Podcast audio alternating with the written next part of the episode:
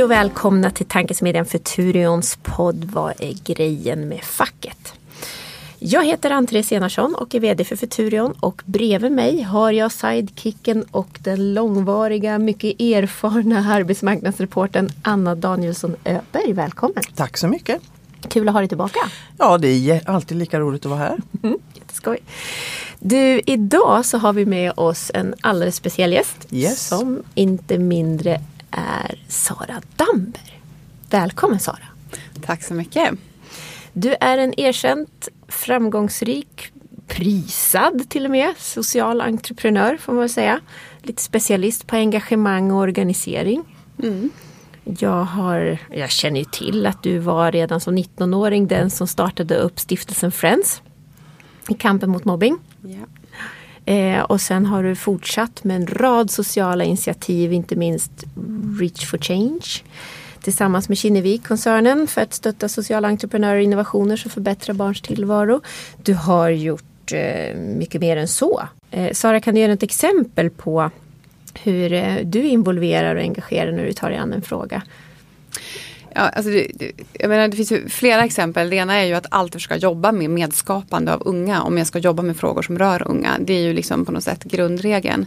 Sen i samband med valrörelsen då och avsaknaden av ungas röster så drog jag igång ett initiativ som kallas Youth 2020. Mm. Och det handlar ju om att barnkonventionen ska bli lag 2020 och att eh, vi vet att eh, kommuner och många andra eh, med dem kommer att stå, alltså det kommer att bli utmanande och framförallt när det handlar om inflytande och delaktighetsfrågan som ändå är liksom kärnan i barnkonventionen.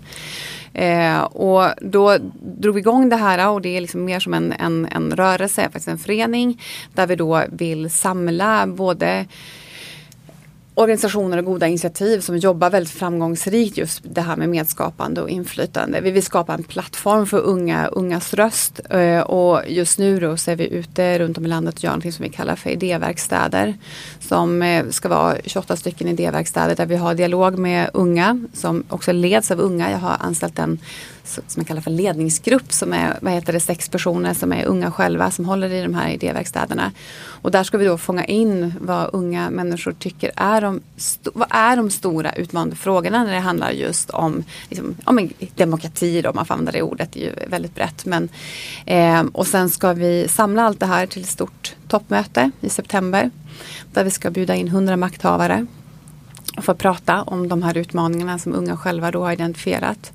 Och eh, det här gör vi också i sam, liksom, samdialog och samarbete med flera olika organisationer och ungdomsorganisationer. Men också med vissa myndigheter och andra liksom, strukturer. Och det vi ser tycker jag, liksom, det vi har sett under det här året när vi har jobbat med den här frågan, det är att det finns ju väldigt mycket finns mycket kunskap och exempel och metoder och liksom tillvägagångssätt att jobba just med, med ungt inflytande och, medskapande. Men däremot så är, det, är vi ganska dåliga på att realisera det här i praktiken. Så det är väl det vi ser lite grann som våran utmaning. Att både liksom visa upp, okej okay, det, här, det här görs. Eh, men också att liksom pusha att ta alla de här idéerna, tankarna och göra någonting rent praktiskt. Och, och att vi gör det då liksom lätt av unga personer själva. Ehm, mm. Och det, det, är ju det där liksom att det, jag menar jag som har jobbat med ung, unga och ungt inflytande hela mitt liv och alltid pratar om det och det har liksom varit min käpphäst i alla sammanhang. Så är det ändå så att eh, när det väl liksom kommer till kritan och man ska göra det här medskapandet så är det, alltså det tar mycket tid och resurser och det är oftast också ganska svårt när jag gjorde det i kommunen så, så, så, så handlade det ju också om att liksom utbilda mina kollegor i hur pratar man med unga, hur ställer man frågor för att man ska få det här liksom medskapande, den här diskussionen.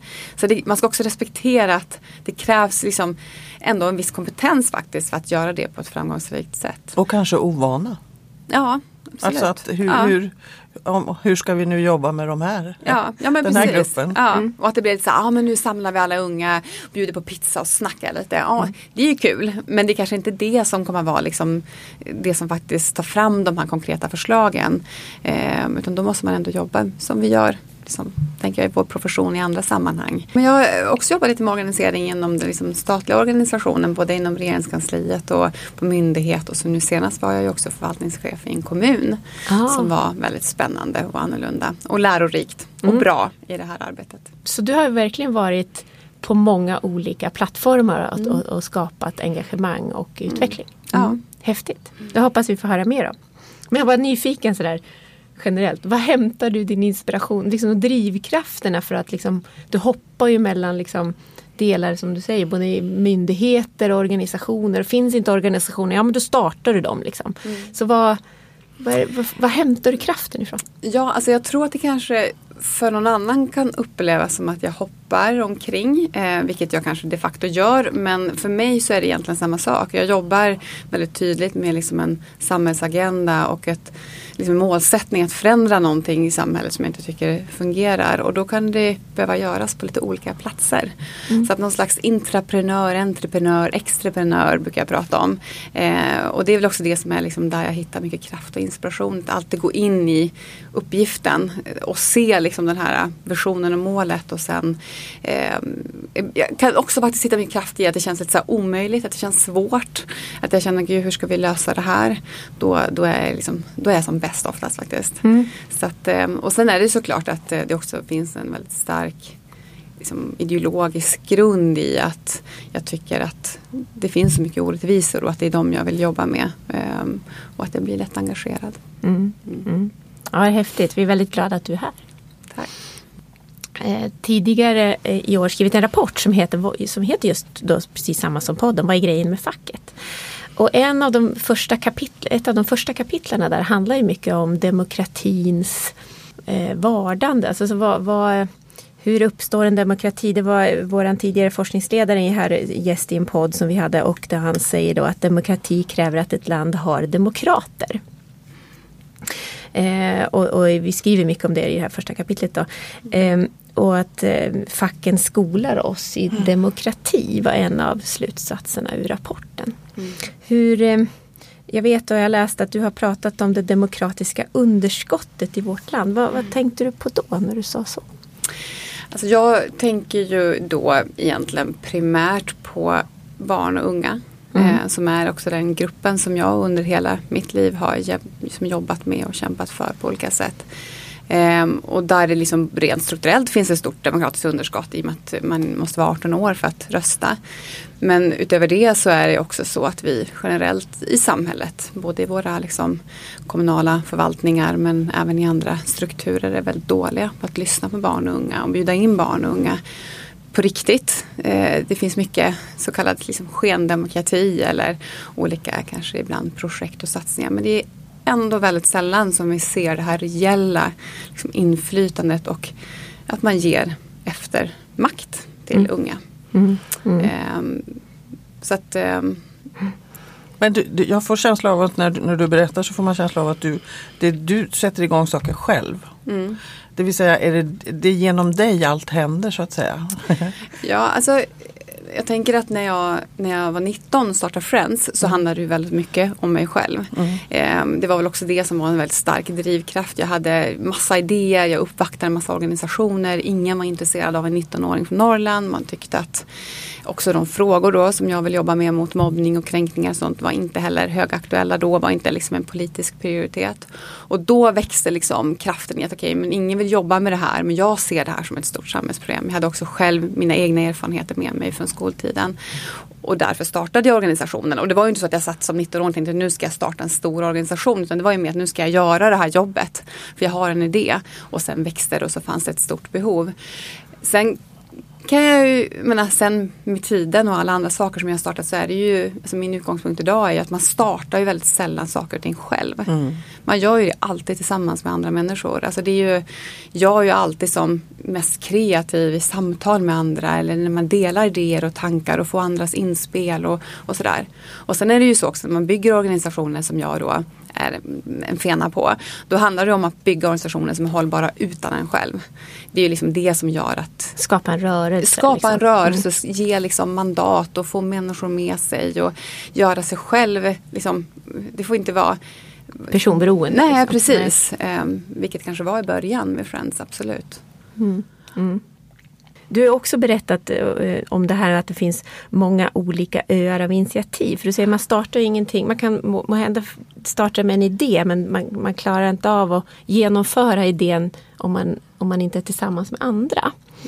Eh, Och vad, du, du gav in i tidigare intervju bilden av att det finns många idag i samhället, många olika öar av Ja. initiativ. Och de är liksom, många strävar mot samma mål men de är lite som jag förstår att du beskriver dem som är lite i, i, i stuprör. Ja. Att man liksom är dålig. Vad, vad tänker du om Ja men det där är intressant samarbete? tycker jag. För att om man tänker tillbaka tio år när jag då startade Reach for Change eh, tillsammans med Kinnevikgruppen. Och då, då var min samhälls, liksom, analys och den kontext jag befann mig i så tyckte jag att det var väldigt få initiativ. Det fanns, I mitt tycke fanns det många fler mänskliga lösningar och idéer än vad det faktiskt liksom, variationen var mycket större än vad som faktiskt var ute på fältet och verkade och gjorde bra saker. Vi hade liksom inget ekosystem för sociala entreprenörer. Vi hade några få stora liksom, folkrörelseorganisationer som fick mycket medel av både företag och, liksom, och staten. Så att då ville jag ju verkligen eh, ge plats också för det här mera, liksom, ja men det här är liksom mera personliga entreprenörskap. människor som hade idéer som man ville förverkliga. Så som jag själv hade då när jag startade Friends. Och eh, var väldigt inspirerad av, vi hade varit mycket liksom, jobbat i andra länder men också liksom, i USA där liksom, socialt entreprenörskap var superetablerat och man liksom, kunde till och med göra sig liksom, en karriär och gå, gå på universitetet och göra de här sakerna. Så var det inte för tio år sedan i Sverige. Vi gjorde en stor SIFO-undersökning och då visade det sig att det var liksom under 2% av svenska folket som ens hade hört begreppet socialt entreprenörskap och kunde liksom Liksom definiera och prata om vad det betydde. Det är inte den traditionen som vi har i Sverige eller har haft. Och det, liksom, så att med Reach for Change så var det ju liksom att bygga upp det ekosystemet och det hände jättemycket under de här tio åren och det var inte bara Reach for Change liksom, förtjänst utan det var liksom universiteten vaknade, Malmö högskola startade upp ett stort initiativ. Ehm, fler företag gick liksom in och ville göra grejer och successivt skulle jag säga att vi har ju etablerat ett, ett system idag att du faktiskt typ kan gå ut gymnasiet och tänka så om jag skulle typ vilja bli social entreprenör och ska man börja plugga och ska man göra grejer eller att du faktiskt också är du kreativ och har en bra idé på hur du vill lösa någon liksom, samhällsutmaning så finns det ändå aktörer att vända sig till. Och så var det inte 2008-2009 då fanns det inte någon. Ehm, och så det har ju varit jättespännande och det gjorde vi ju liksom i många länder och vi liksom gjorde liknande resor på många olika platser. Men nu då, så här, tio år senare, det är, alltså jag tycker det ekosystemet är jätteviktigt. Det är liksom en, en ytterligare en utmanare också skulle jag säga i den här sociala branschen. Eh, en uppstickare och liksom precis som i näringslivet kan liksom finnas en stark innovationskraft och liksom nytänkande och så bland de sociala entreprenörerna. Men nu kan jag ändå se liksom en annan utmaning och det är precis det du, det du pratar om. Att vi har många enmansshower kanske. Eller mindre organisationer som blir silos, som blir så här små öar. Och ska man lösa de stora samhällsutmaningarna liksom då, då funkar inte det. Utan då måste vi antingen gå samman eller vi måste liksom jobba på ett annat sätt för att vi verkligen ska komma till botten med de viktiga, stora utmaningarna.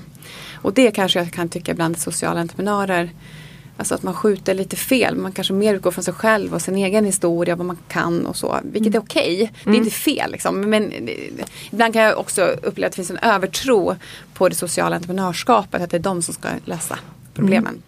Men om man ser, eftersom du pratar om att det är internationella erfarenheter Ja. och då tänker vi att vi i Sverige eller i Norden har ett rätt speciellt sätt att organisera Mm. tillvaron på jämfört med USA eller Storbritannien. Ja, Ja, det är väldigt många länder. Hur skulle du säga om du nu det här med socialt entreprenörskap, hur hamnar det vad är skillnaden här i Norden och kanske i USA eller Storbritannien? Eftersom vi då har så mycket andra organisationer som är ganska starka och som har en roll på olika sätt eh, i arbetslivet till exempel. Att ta hand om, de har roller som, för att ta hand om olika saker och ansvar. Mm. Som man kanske inte har då i Storbritannien och USA. Nej men precis.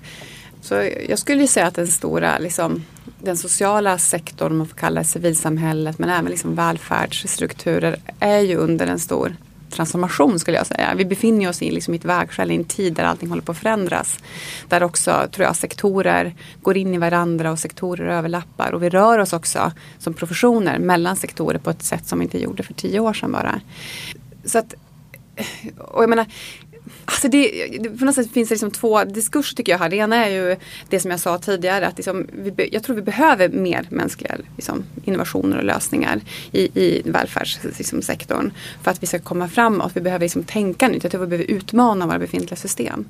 Samtidigt så har vi ju liksom den liksom långa folkrörelsetraditionen som också är den svenska styrkan skulle jag säga. Där vi liksom är vana att gå samman och jobba ihop och hela vår demokratiska struktur. Eh, Ehm, är ju liksom grundbulten, det är ju liksom basen i vårt samhälle. Som många länder, precis som du säger, inte har. Så att, om jag ställer mig liksom i civilsamhället så kan jag ju känna att Sverige har ju mycket på gratis där. Vi är mm. vana med att få med oss människor och få folk att ställa upp ideellt. Mm. Medan när jag kanske jobbar med organisationer exempelvis i USA så har man ju inte den traditionen så då behöver man jobba på ett annat sätt. Är vi för dåliga på att samarbeta då? De här folkrörelserna och civilsamhället, inte minst då facken som mm. är den stora partnern på arbetsmarknaden här. Eh, kan du se, är det det vi är? Ja, alltså Ja, alltså det är ju en, väldigt, det är en svår, ja. komplex fråga. Jag tänker att vi är ju, om jag får ta, gå tillbaka till det som är mitt demokratiska underskott som jag ändå ser som en stor samhällsutmaning. Det är ju liksom bristen på barn och ungas inflytande och makt. Vilket ändå är en sån otroligt stor grupp som vi hela tiden glömmer bort. Som jag tycker var jättetydligt under hela valrörelsen där det var otroligt få liksom, frågor som liksom, involverade och berörde unga och ungas närvaro i diskussionerna var liksom, lyste helt och hållet med sin frånvaro. Och det tror jag är en jättestor eh, risk framåt. För att man pratar ju om idag att eh, vi har en ungdomsgeneration som, eh, som är mer engagerad än någonsin. Man jämför mm. liksom med slutet på 60-talet. Det är superstort engagemang. Samtidigt ser vi också om vi tittar på liksom europeiska studier att ungefär hälften av unga människor under 25 år liksom tycker inte att demokrati är det bästa statsskicket. Det finns en, liksom en stor misstro och liksom, både för hela etablissemanget men också för demokratin. Och då skulle jag vilja, alltså det blir lite en sväng på din fråga där, men mm. då skulle jag ändå vilja säga att att det finns flera saker här. Det är klart, om du hela tiden inte blir tagen på allvar och inte lyssnad på så får du såklart ett missförtroende för strukturerna. Mm. Men samtidigt, och sen tänker jag också att vi lever i en ny tid nu också. En, en ny, liksom, en ny liksom, värld som inte ens vi liksom, i det här rummet kan förhålla oss till för vi har inte vuxit upp i den världen. Vilket också gör att du skulle kunna jobba demokratiskt på ett helt annat sätt än kanske de gamla traditionella arbetsformerna.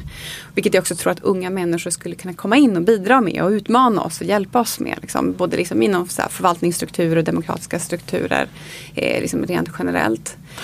Men fast ursäkta att jag mm. avbryter. Men, ja. men, det, finns ju, det finns ju strukturer då kan man säga lite grann för, för de unga som är i arbetslivet. De, om de är med i facket och är de inte med i facket så kanske andra är med i facket så att det finns ett kollektivavtal. Mm. Mm. Och så finns det, det finns säkert inte saker, alltså de, de känner sig säkert inte i värsta fall och sannolikt inte delaktiga men det finns strukturer. Ja, men jag, det jag egentligen ville, det jag komma mm. fram med en lång utläggning, men det jag ville säga det var ju att jag tror också att unga människor idag inte är tränade i den här liksom, formen att organisera sig på det sättet som kanske ändå vår generation var.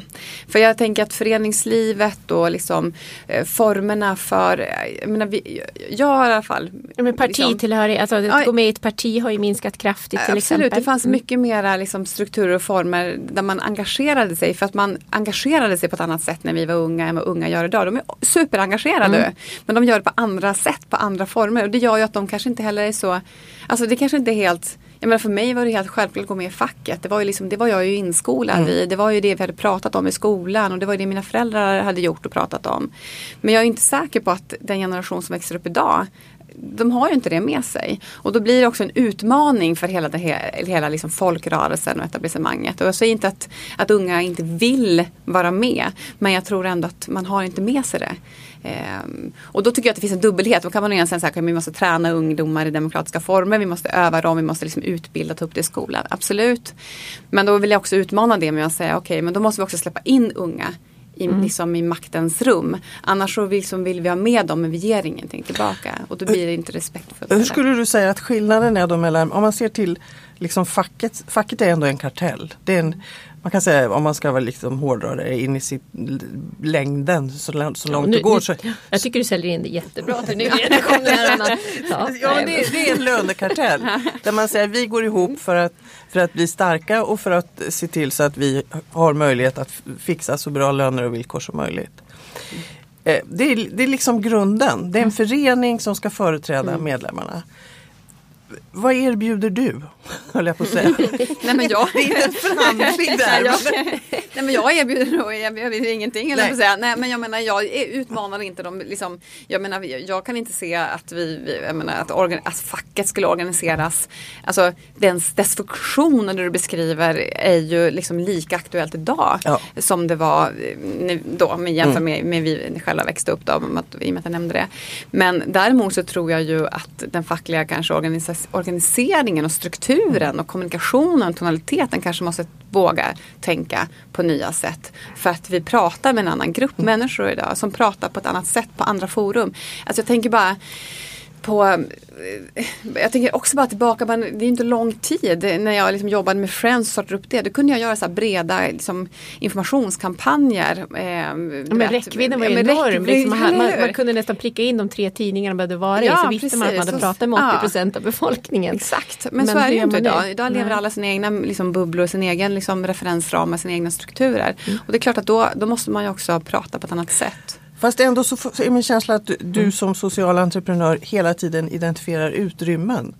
Du, har, du har identifierat, och nu har du identifierat ett nya utrymmen. Och vad, om, jag, om jag hävdar att jag hade identifierat ett utrymme då, liksom fackets roll. Vad, vad, vad, är, vad är det för utrymmen du hittar? Ja, det är kul sätt att se på det faktiskt. Um, nej men jag tror att ehm, jag hittar eh, så utrymme, jag kanske skulle säga liksom utmaningar snarare då. Alltså det är ju ofta så jag har jobbat. Jag har kommit in i liksom ett sammanhang liksom när jag var på AMS exempelvis då och då liksom identifierade jag ju liksom de utmaningarna som jag såg i relation då till, till unga arbetssökande eller ung, långtidsarbetslösa och sådär. Och att man där då försöker hitta mera eh, ja, men våga liksom utmana och tänka om och tänka nytt. Ehm, och tänka, alltså, tänka ah, om och tänka nytt. Jag vet inte. Ibland blir man också trött på det där att tänka nytt. Man behöver inte göra allting nytt utan, utan man kan göra det man gör fast man kanske ändå måste våga eh, utmana det. Liksom, ställa det på sin spets. Det är inte så att man alltid behöver hitta på nya grejer. Ja. Fast är det inte det som är just svårigheten, inte minst med en sån, om jag nu ska fortsätta med mitt ältande om facket. Att det är en, det är en väldigt det är, en, det är en gammal organisation, eller en gammal, den är över hundra år gammal. Att det är svårt att förnya. Skill- Alltså du, du hittar, du försöker förnya det du gör. Medan man får, ibland kan tycka kanske tyvärr att de fackliga strukturerna verkar vara rätt så fast, fastlåsta. Liksom. Jag tror inte man ska räds, alltså man ska inte skrämmas av strukturen. Så jag menar facket har ju en fantastisk liksom, idé. Eh, och den ska man ju vara lojal. Men däremot så kan man ju fundera på Vägen dit. Ja men och, och den här idén, hur ser den ut idag? Liksom 2019 med de kunder och liksom människor man kommer att ha i den fackliga strukturen. Kan man ställa andra krav? Och om man då tänker med din erfarenhet och det du har gjort så vet vi att unga människor mellan 16 och 24 år de är inte med i facket så mycket. Eh, De senaste siffrorna jag tittar på tog fram nu inför att vi skulle ses då var det, det är en 30, 34, 35 procent och det är faktiskt en liten ökning så det, det hade kunnat eh, vara sämre. Men v- om, vad, vad kan man göra då? Det finns ju strukturella skäl till att inte så många, det, är alltså unga, Ja, unga, unga människor går i plugget. Så att Ja. Hur många som helst kan inte vara med. Men, Jag tycker ändå häpnadsväckande många som är med med tanke på att de inte riktigt arbetar. Ja, precis. Ja, Så det, finns, det ganska finns ju en många. stor Ja. potential. Men ändå om man nu vill ha med fler eller få- fler aktiva. Vad- Ja, alltså det enkla svaret för att, eh, skulle ju vara att eh, hur många unga människor är med i de fackliga liksom, formella strukturerna. Alltså v- v- hur många unga människor har makt och inflytande i de fackliga strukturerna. Det, liksom, det skulle vara min första fråga. Vilken typ av tonalitet och hur pratar vi om facket? Vilka, vilka, vilka är det som förstår? Jag menar vi har eh, liksom, extremt många marginaliserade grupper som inte alls bjuds in i, i de flesta diskussionerna. Hur kan vi nå dem och hur kan vi prata till dem liksom, tillsammans med dem? Nu handlar ju det du håller på med, låter det som väldigt mycket om demokrati. Mm. Men alltså klimat är ju en sån här fråga som unga väl, är- eller väl är jätteengagerade i. Eh, om jag då igen då ska ta det fackliga perspektivet så är det arbetsliv. Ser du någonting där som, som liksom man borde ta tag i eller som man borde bjuda in unga mer i? Ja, jag tänker på när du, när du ställer frågan det är ju tänker jag, sådana viktiga vägskäl för unga människor. Ehm, jag tänker att när unga personer ska välja till gymnasiet exempelvis. Då går man ju i nian. Oftast börjar man ju liksom sondera redan i åttan. Man är rätt ung. Men det valet har ju oftast ganska stor betydelse för ens framtida liksom väg och, och yrkeskarriär och så. Ehm, att där tycker jag det skulle vara intressant att man skulle få in fler samhällsaktörer som kunde ha dialog med unga just inför det valet och vad det faktiskt betyder och få en förståelse om arbetsliv, arbetsmarknad, liksom min egen roll i det och mina möjligheter och sådär. Det finns ju flera fack, en del fackförbund som inte minst för att få in fler kvinnor i mansdominerade yrken mm. försöker vara ute i skolorna och berätta om hur det är att jobba. Ja, mm. och det tror jag är jättebra för men det är få syvare ute i skolorna och de räcker oftast inte till och man kanske inte ens alltid vet att man kan gå och prata med en syvare. Alltså jag tror att eh, börja den här dialogen mycket tidigare mm. tror jag skulle göra stor skillnad. Och likaså liksom förståelsen för arbetslivet. Um, och det facket kan hjälpa till med och, och vilken stödpartner man kan vara mm. under liksom vem man kan mer eller mindre hålla handen i arbetslivet igenom så att säga. Ja. Så man skapar en tidig mognad och, och förståelse för, ja. för um, att ensam inte är stark. Ja och hur, och hur, hur kan man liksom organisera sig liksom fackligt på något sätt i skolan? Vi mm. tänker på det här med liksom elevråd och liksom mm, den precis, strukturen. Det, just det, det hade jag på, ja, det hade jag på tungan. Ja, ja nej, men, men det, det finns ju i de flesta skolor och det, jag menar för mig var det en jättes, jätteviktig skola. Jag var så här elevrådsordförande. Det tror jag absolut har präglat mig. Ja. ja. ja. ja. Nej, men jag, jag, tror att det är jätteviktigt och jag tänker att, eh, att fånga upp unga ungas engagemang tidigt. Mm. Och min erfarenhet är ju att unga jättegärna vill. Mm. Och att liksom bjuder man upp så kommer man och vill delta och bidra. Sen är det ungas lojalitet alltid lite sådär i och med att det händer så mycket i ungas liv. Så att även om man organiserar massa unga så kan man räkna med att fyra månader senare så kanske inte alla kommer igen för att då har de kommit på andra saker eller flyttat till en annan stad eller någonting. Men jag tänker att det är, att det, är det som är att vara ung också. Jo men man, man har det ju med sig. Man, i alla fall, man kan i alla fall hitta tillbaks. Ja, Om man aldrig varit där hittar man aldrig tillbaks. Mm. Nej, nej, så är det ju. Så tänker jag. Mm. Mm. Nej, men alltså, du, så du säger mer, eh, var, mer, var mer närvarande tidigare i livet mm. vid fler vägskäl. Mm. Eh, och presentera sig just för att träna och presentera sig. Men också tänker jag att jag tyckte din idé om eh, som du nu gör eh, om idéverkstäder är också någonting som eh, kanske skulle vara en del av det fackliga innovationsarbetet. Mm. Eller vad tror du? Mm. Kanske, absolut. Mm. Inte minst det här tror jag att vara mer öppen för samarbetsformer. Alltså att ha en öppenhet inför att olika åldrar kräver olika saker. Mm.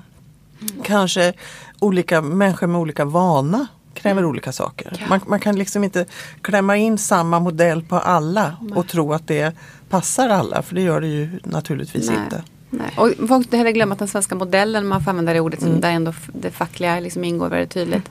Eh, den är ju inte bekant för alla. Den Nej. är inte till för alla och den är inte tillgänglig för alla. Mm. Så att den är ju också, i det finns också ett väldigt stort utanförskap. Så att det är ju inte alla som bjuds in i den svenska modellen. Så människor som inte liksom når fram till vårt etablissemang och förstår våra strukturer mm. och kanske har liksom ja, men, liksom en föräldrageneration eller föräldrar som inte liksom, tillhör det eller kanske ens arbetar. Det finns inget eh, arv. Liksom. Finns nej, Ja, men tittar man på, liksom, på skol och skola och skolutveckling så som den absolut tydligaste faktorn som påverkar barns framtid det är ju om föräldrarna har en eftergymnasial utbildning mm. eller inte. Och det är ju det som är, alltså när jag, återigen jag jobbar i förvaltningen då, det är, det är där är ju skolans kompensatoriska uppdrag liksom att se till att den ska bli likvärdig även om man har föräldrar då som inte. Och det är klart att där har vi den här ojämlikheten. Eh, och där skulle ju alla samhällsorganisationer kunna ta en roll mm. tänker jag. Och då kommer man in i det här med liksom, det är samma sak med valet till gymnasiet. De som har de här aktiva föräldrarna, ja de får ju stöttningen därifrån. Mm. Men de som inte har de aktiva föräldrarna skulle ju må jättebra för andra samhällsorgan som tycker att men vi vill prata med dig för vi vill prata om din framtid. Mm. För att, vi, vill, vi, vill, prata om din framtid, vi vill vara en del av din framtid. Exakt, mm. exakt. Vi finns här. Liksom. Mm. Jag tycker det var ett väldigt viktigt medskick. Mm. Det var jättebra. Eh, ska vi börja avsluta podden tänker jag med att få höra Nu har vi fått en hel del idéer både framåt och tips och sådär. Men jag tänker på eh, när du tänker eh, generellt engagemang och organisering. Du har ju målat en bild av det demokratiska underskottet och ungas flyktiga lojalitet och ändå liksom starka samhällsengagemang. Hur får man ihop de här? Det är ju flera bilder liksom samtidigt mm. uppe. Um, om du ska titta riktigt långt fram nu då, 2040, 2050. Vad har vi för utmaningar när det gäller engagemang och organisering? Är det släpp in de unga, av unga, för unga? Finns det, ser du några fler utmaningar? Ja men alltså jag menar den svenska liksom välfärden kommer ju inte att eh, hålla ihop mm. utan vi kommer ju behöva jobba tillsammans för att leverera det som vi har vant oss vid. Det tror jag absolut. Jag tror att um, jag tror också att den liksom, jag tror att det i och för sig ligger närmre i närtiden än 2040, 2050. Mm. Jag tror också att den, liksom, den kommunala förvaltningsstrukturen med sitt ledarskap och det demokratiska liksom, styret med fritidspolitiker och så som ändå är vardag i de flesta kommuner eh, kommer också att behöva eh, tänka nytt och tänka om. Jag tror att eh, i och med den nya generationen, man får vara så mm. optimistisk och positiv, så tänker jag att det kommer ske saker av sig själv i som stora generationsväxlingar och så som, kommer, som pågår just nu. Eh, men jag tror också att vi kommer behöva liksom, ja, men utmana liksom, de möjligheter vi har idag, inte minst med liksom, detta uttröttande ord som digitalisering. Men ändå, med hjälp av digitalisering kommer vi också kunna jobba demokratiskt på ett mycket mer tror jag, effektivt och liksom, snabbfotat sätt än vad vi har gjort historiskt. Är du alltså rätt eh. optimistisk? Ja men jag är ju alltså jätteoptimistisk, det är ju mitt problem. Jag är, är det något som inte funkar så går hon in och fixar ja, det. Precis. Nej, men jag är ju en sann, alltså jag är ju extremt, jag har ju fruktansvärt svårt att eh, rera mig i problem. Alltså, det är ju, alltså jag kan ju se se eh, samhälls, alltså tuffa samhällsutmaningar och jag, blir extremt förtvivlad i vissa sammanhang. Men jag, jag är ju inte den man ringer till när man vill liksom orera i problem. Man ringer till mig när man har gjort det färdigt och man vill lösa problemet. Det är liksom... Vi spar ditt telefonnummer Sara. Nu tänkte jag mer på så kompisar och så. Folk ringer inte till mig när de är ledsna. De ringer till mig när de har gråtit färdigt. Så det, det, det, det kanske är liksom en illustration av hur jag ser på framtiden. Ja. Men det är väl härligt att få sluta i att, vara, att ha en positivistisk grundsyn. ja. Vilket naturligtvis är viktigt för att vi ska komma fram till de lösningar som vi behöver. Som ja. dock ska utmanas rätt rejält på vägen. Ja. Är det så mm. vi kan sammanfatta ja. dagens samtal något i alla fall? Och jag skulle nog också vilja säga att jag, jag tycker att eh, vi i våran välfärd och i vårt extremt liksom, eh, etablerade tillvaro som vi har i Sverige så har vi ju också många grupper som står så mm. långt utanför Absolut. det. Och som jag tycker att vi liksom vi många gånger glömmer att prata om. Eh, som ändå på nästan präglar min vardag med barn som står utan liksom, papper och liksom bor ute på gatan, alltså heter dokumentation och stå, bor på gatan och så. Så vi har liksom ett Sverige idag som har flera sidor som också har förändrats väldigt mycket. Mm. Så vara med och se alla sidor och också mm. finnas med vid vägskälen. Mm. Mm. Tack så mycket Sara för att du kom hit som gäst idag. Ja, tack så mycket. Tack. Tack.